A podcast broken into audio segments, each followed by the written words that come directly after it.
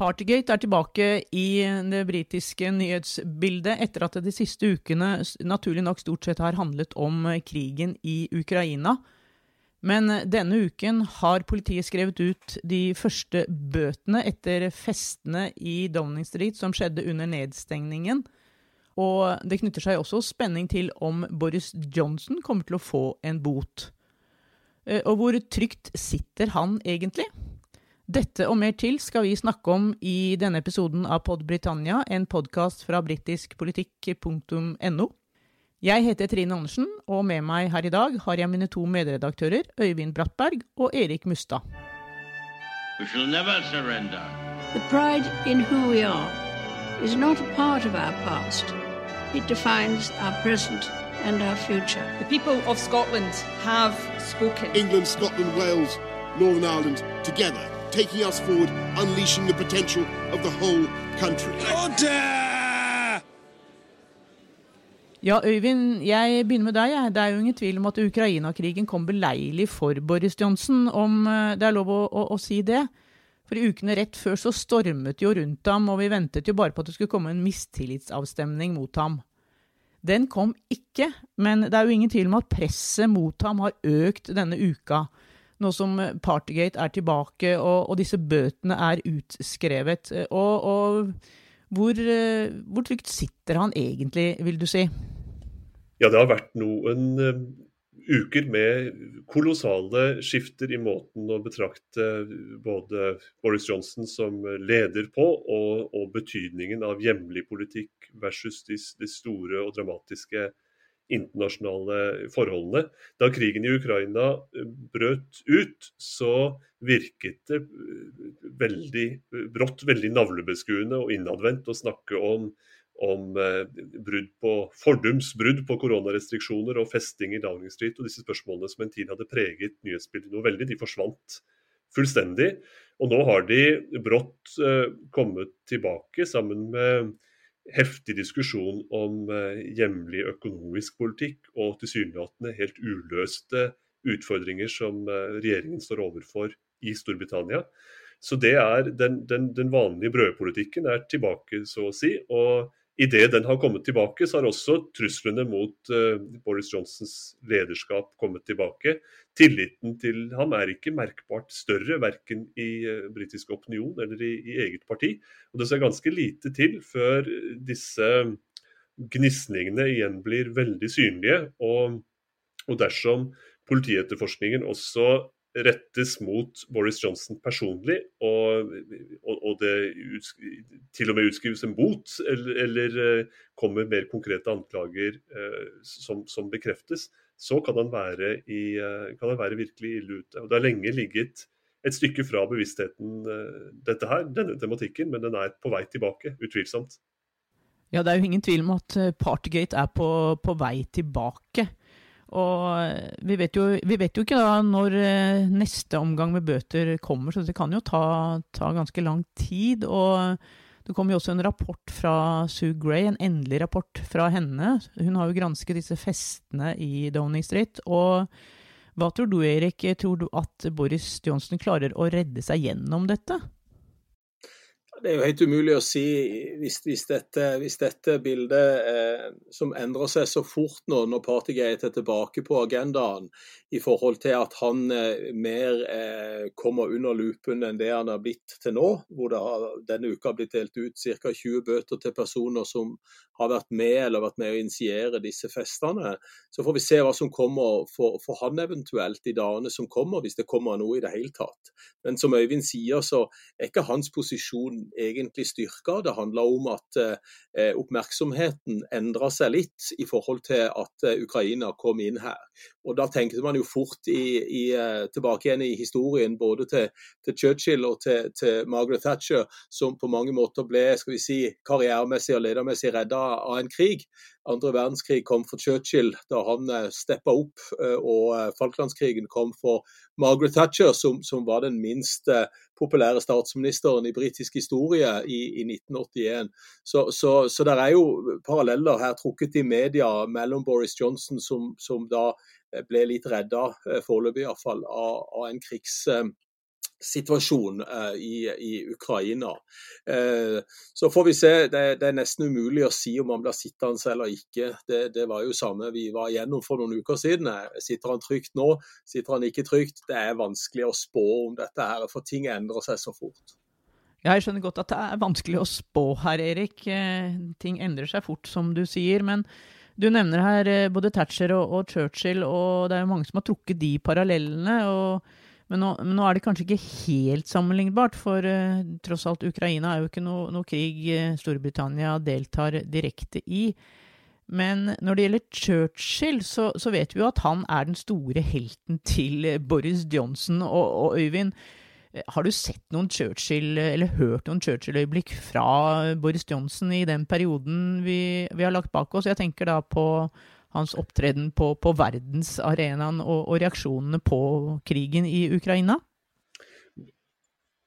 Boris Johnson er jo en, eh, er en dyktig retoriker, og han står jo opp med, med, med, stor patos på det vestlige demokratiets vegne, kan man si. Og det å ha det britiske underhuset som talerstol i, i, en slik sammenheng, det gir jo en veldig kraftfull arena. En arena med veldig stor historisk tyngde, og, og med en veldig det har, det har, en veldig appell når, når, man i Underhuset står opp og snakker på vegne av både det liberale demokrati og, og, Storbritannias lange historie som frihetens forkjemper osv., så, videre, så har det en, en, viss gjenklang, en stor gjenklang.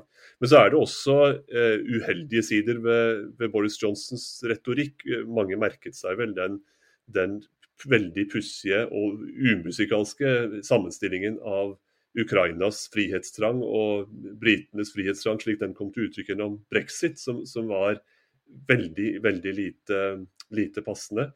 Eh, men jevnt over så har vel Boris Johnson gjennom disse ukene stått frem sammen med andre vestlige ledere med, med, med sterkt og tydelig lederskap. Eh, men uten at det Jeg tror ikke det vil ha noen veldig stor betydning i verken positiv eller negativ retning for, for, det, si, for fortellingen om Boris Johnson som statsminister. Dette er en, en veldig dramatisk periode preget av, eh, av, av, en, en, av tragedien i Ukraina og, og, dramatisk utenrikspolitikk. Men det er ikke en situasjon hvor Storbritannia eller Boris Johnson vil spille en avgjørende rolle, etter alt å dømme. Eh, og han, han, er i likhet med andre vestlige ledere veldig mye fremme i lyset. Og dagliglivets politikk er veldig preget av den situasjonen. Men når den situasjonen roer seg, så tror jeg det for både Boris Johnson og regjeringen først og fremst vil handle om en utfordrende samfunnsmessig situasjon hjemme. En veldig vanskelig økonomisk klemme med både inflasjon og, og, og, og svakere økonomisk vekst. og en, det man kaller en cost of living crisis. Som, eh, som, fører med seg mye vanskelig diskusjon internt i regjeringen. Og en kjempevanskelig oppgave i å overbevise britiske velgere om at denne regjeringen vet deres beste, holdt jeg på å si, og er i stand til å yte til fordel for folk flest eh, på vei mot neste valg. Så jeg tror det er der, eh, der vil diskusjonen ligge. Og så vil det handle naturligvis om, om den personlige tillit og dømmekraft i, i, i lys av Partygate og, og, og, den, og, den, sagaen, når den etter hvert får, får, flere konkrete punkter. Ja, Det er jo ingen tvil, som du, du sier her, Øyvind, at det er tøffe tider for mange briter. da, Men det er jo høy inflasjon, faktisk over 6% det siste året, og det er jo skyhøyt. Og, og britiske aviser skriver at den må helt tilbake til 50-tallet for å finne en tilsvarende nedgang i levestandarden. Og Erik, Hvordan tror du dette kan virke inn da på, på valget? Det er tross alt ikke før om et uh, par år det er, er, valg i Storbritannia. Men uh, dette er jo ikke noe som kommer til å gå over. Levestandarden kommer plutselig ikke til å skyte i været. Uh, og Tror du dette kan få innvirkning på altså, hva, hva, slags innvirkning tror du det kan få på, på valget? Ja, Det er litt tidlig å si siden vi er i 2022 og, og ting endrer seg. Eh, men ikke nødvendigvis på dette området her, sånn umiddelbart.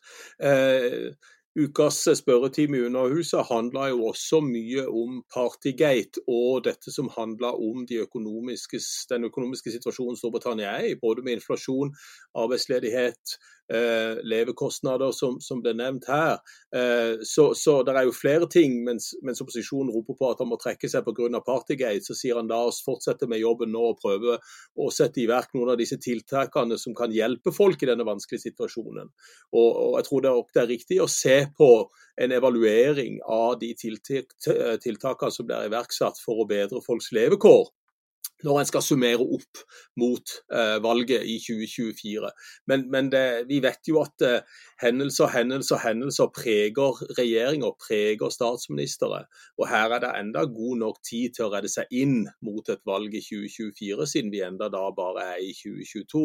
Eh, så det er en del ting som kan endre seg. Så det er også litt vanskelig å si hvordan dette vil slå ut da om to år det er jo også dette, dette, Diskusjonen som nå kommer, er jo også kjempeinteressant i lys av en, en, eh, hva skal man si, et spenningsforhold som vi har vært inne på flere ganger tidligere i denne podkastserien når vi har snakket om uh, Boris Johnsons regjering. Og det er den konflikten i hans eget parti mellom de som er tradisjonelle konservative, som ønsker lave skatter og balanserte budsjetter og en forsiktig stat og dette her, på den ene siden, og de som ønsker å trå til med en masse svære offentlige tiltak og løfte Nord-England og, og, med brask og bram gjøre samfunnet bedre.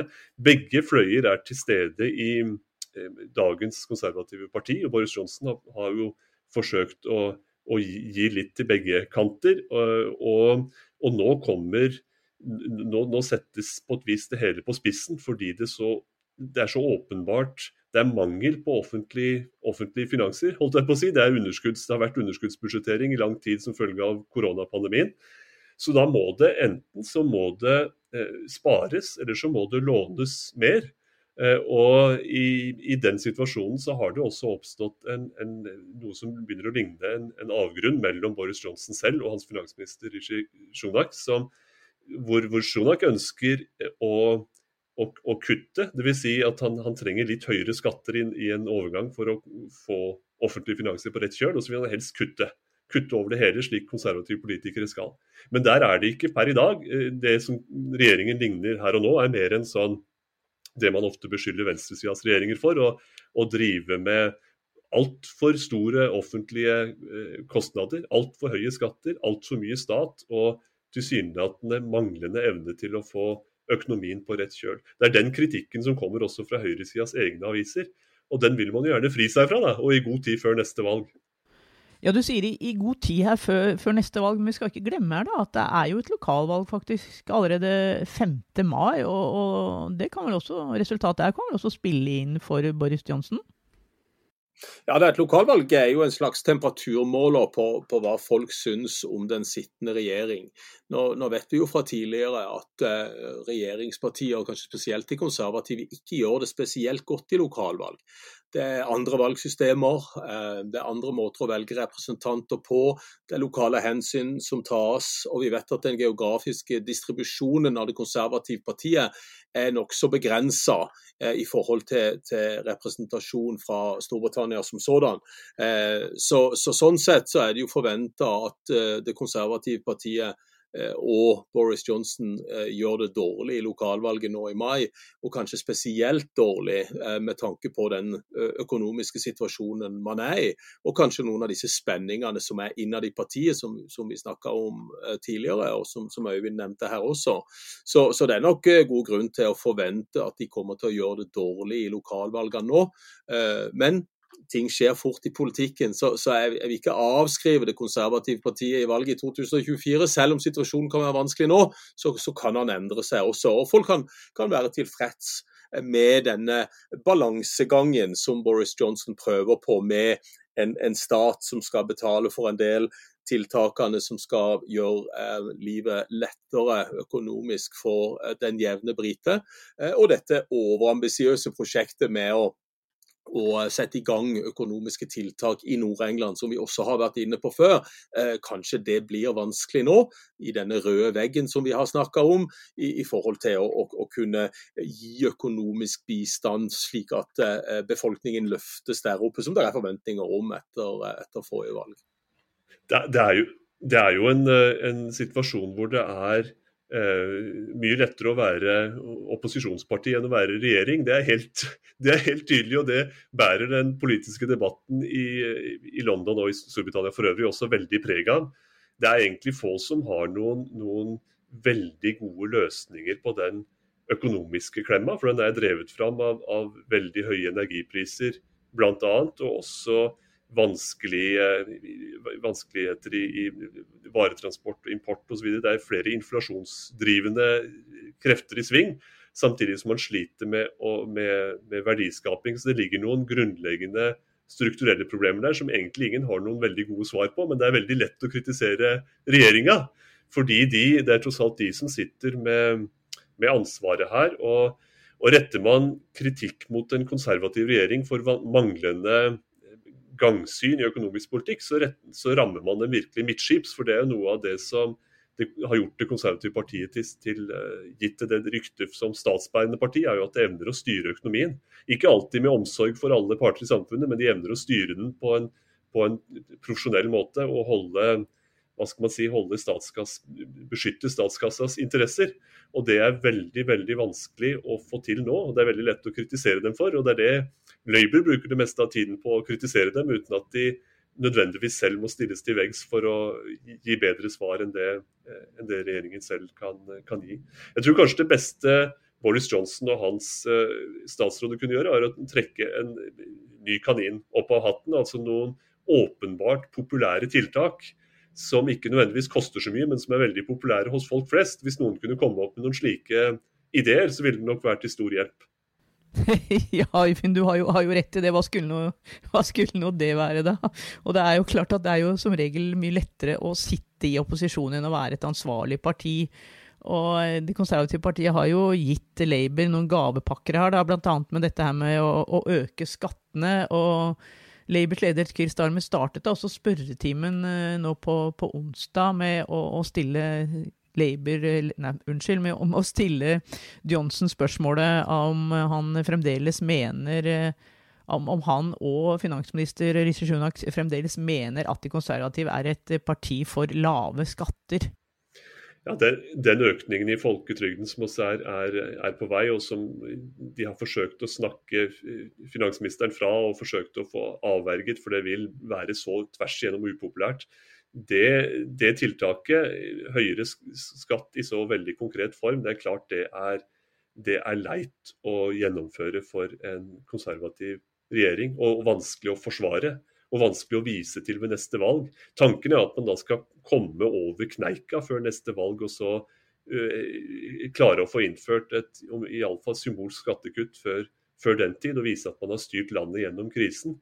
Uh, men det er noe, tiden vil vise om man klarer å, å komme dit. og mange har vel kunnet forutse også at, at etter koronaen så ville det vente en, en skikkelig en sånn en tid med, med havrelefse, så å si, i økonomisk politikk. Og så har de fått eh, andre vanskeligheter med, med, energikostnader og sånt på toppen av det. Så det er jo en, en, en, veldig vanskelig situasjon. Det er en situasjon vi har snakket om, om tidligere også i, i, her i Pod Britannia, og som ingen ville ønske å være statsminister i. Det er helt eh, sikkert. for det er å, å være populær regjering under sånne omstendigheter, det er nesten, uh, nesten umulig.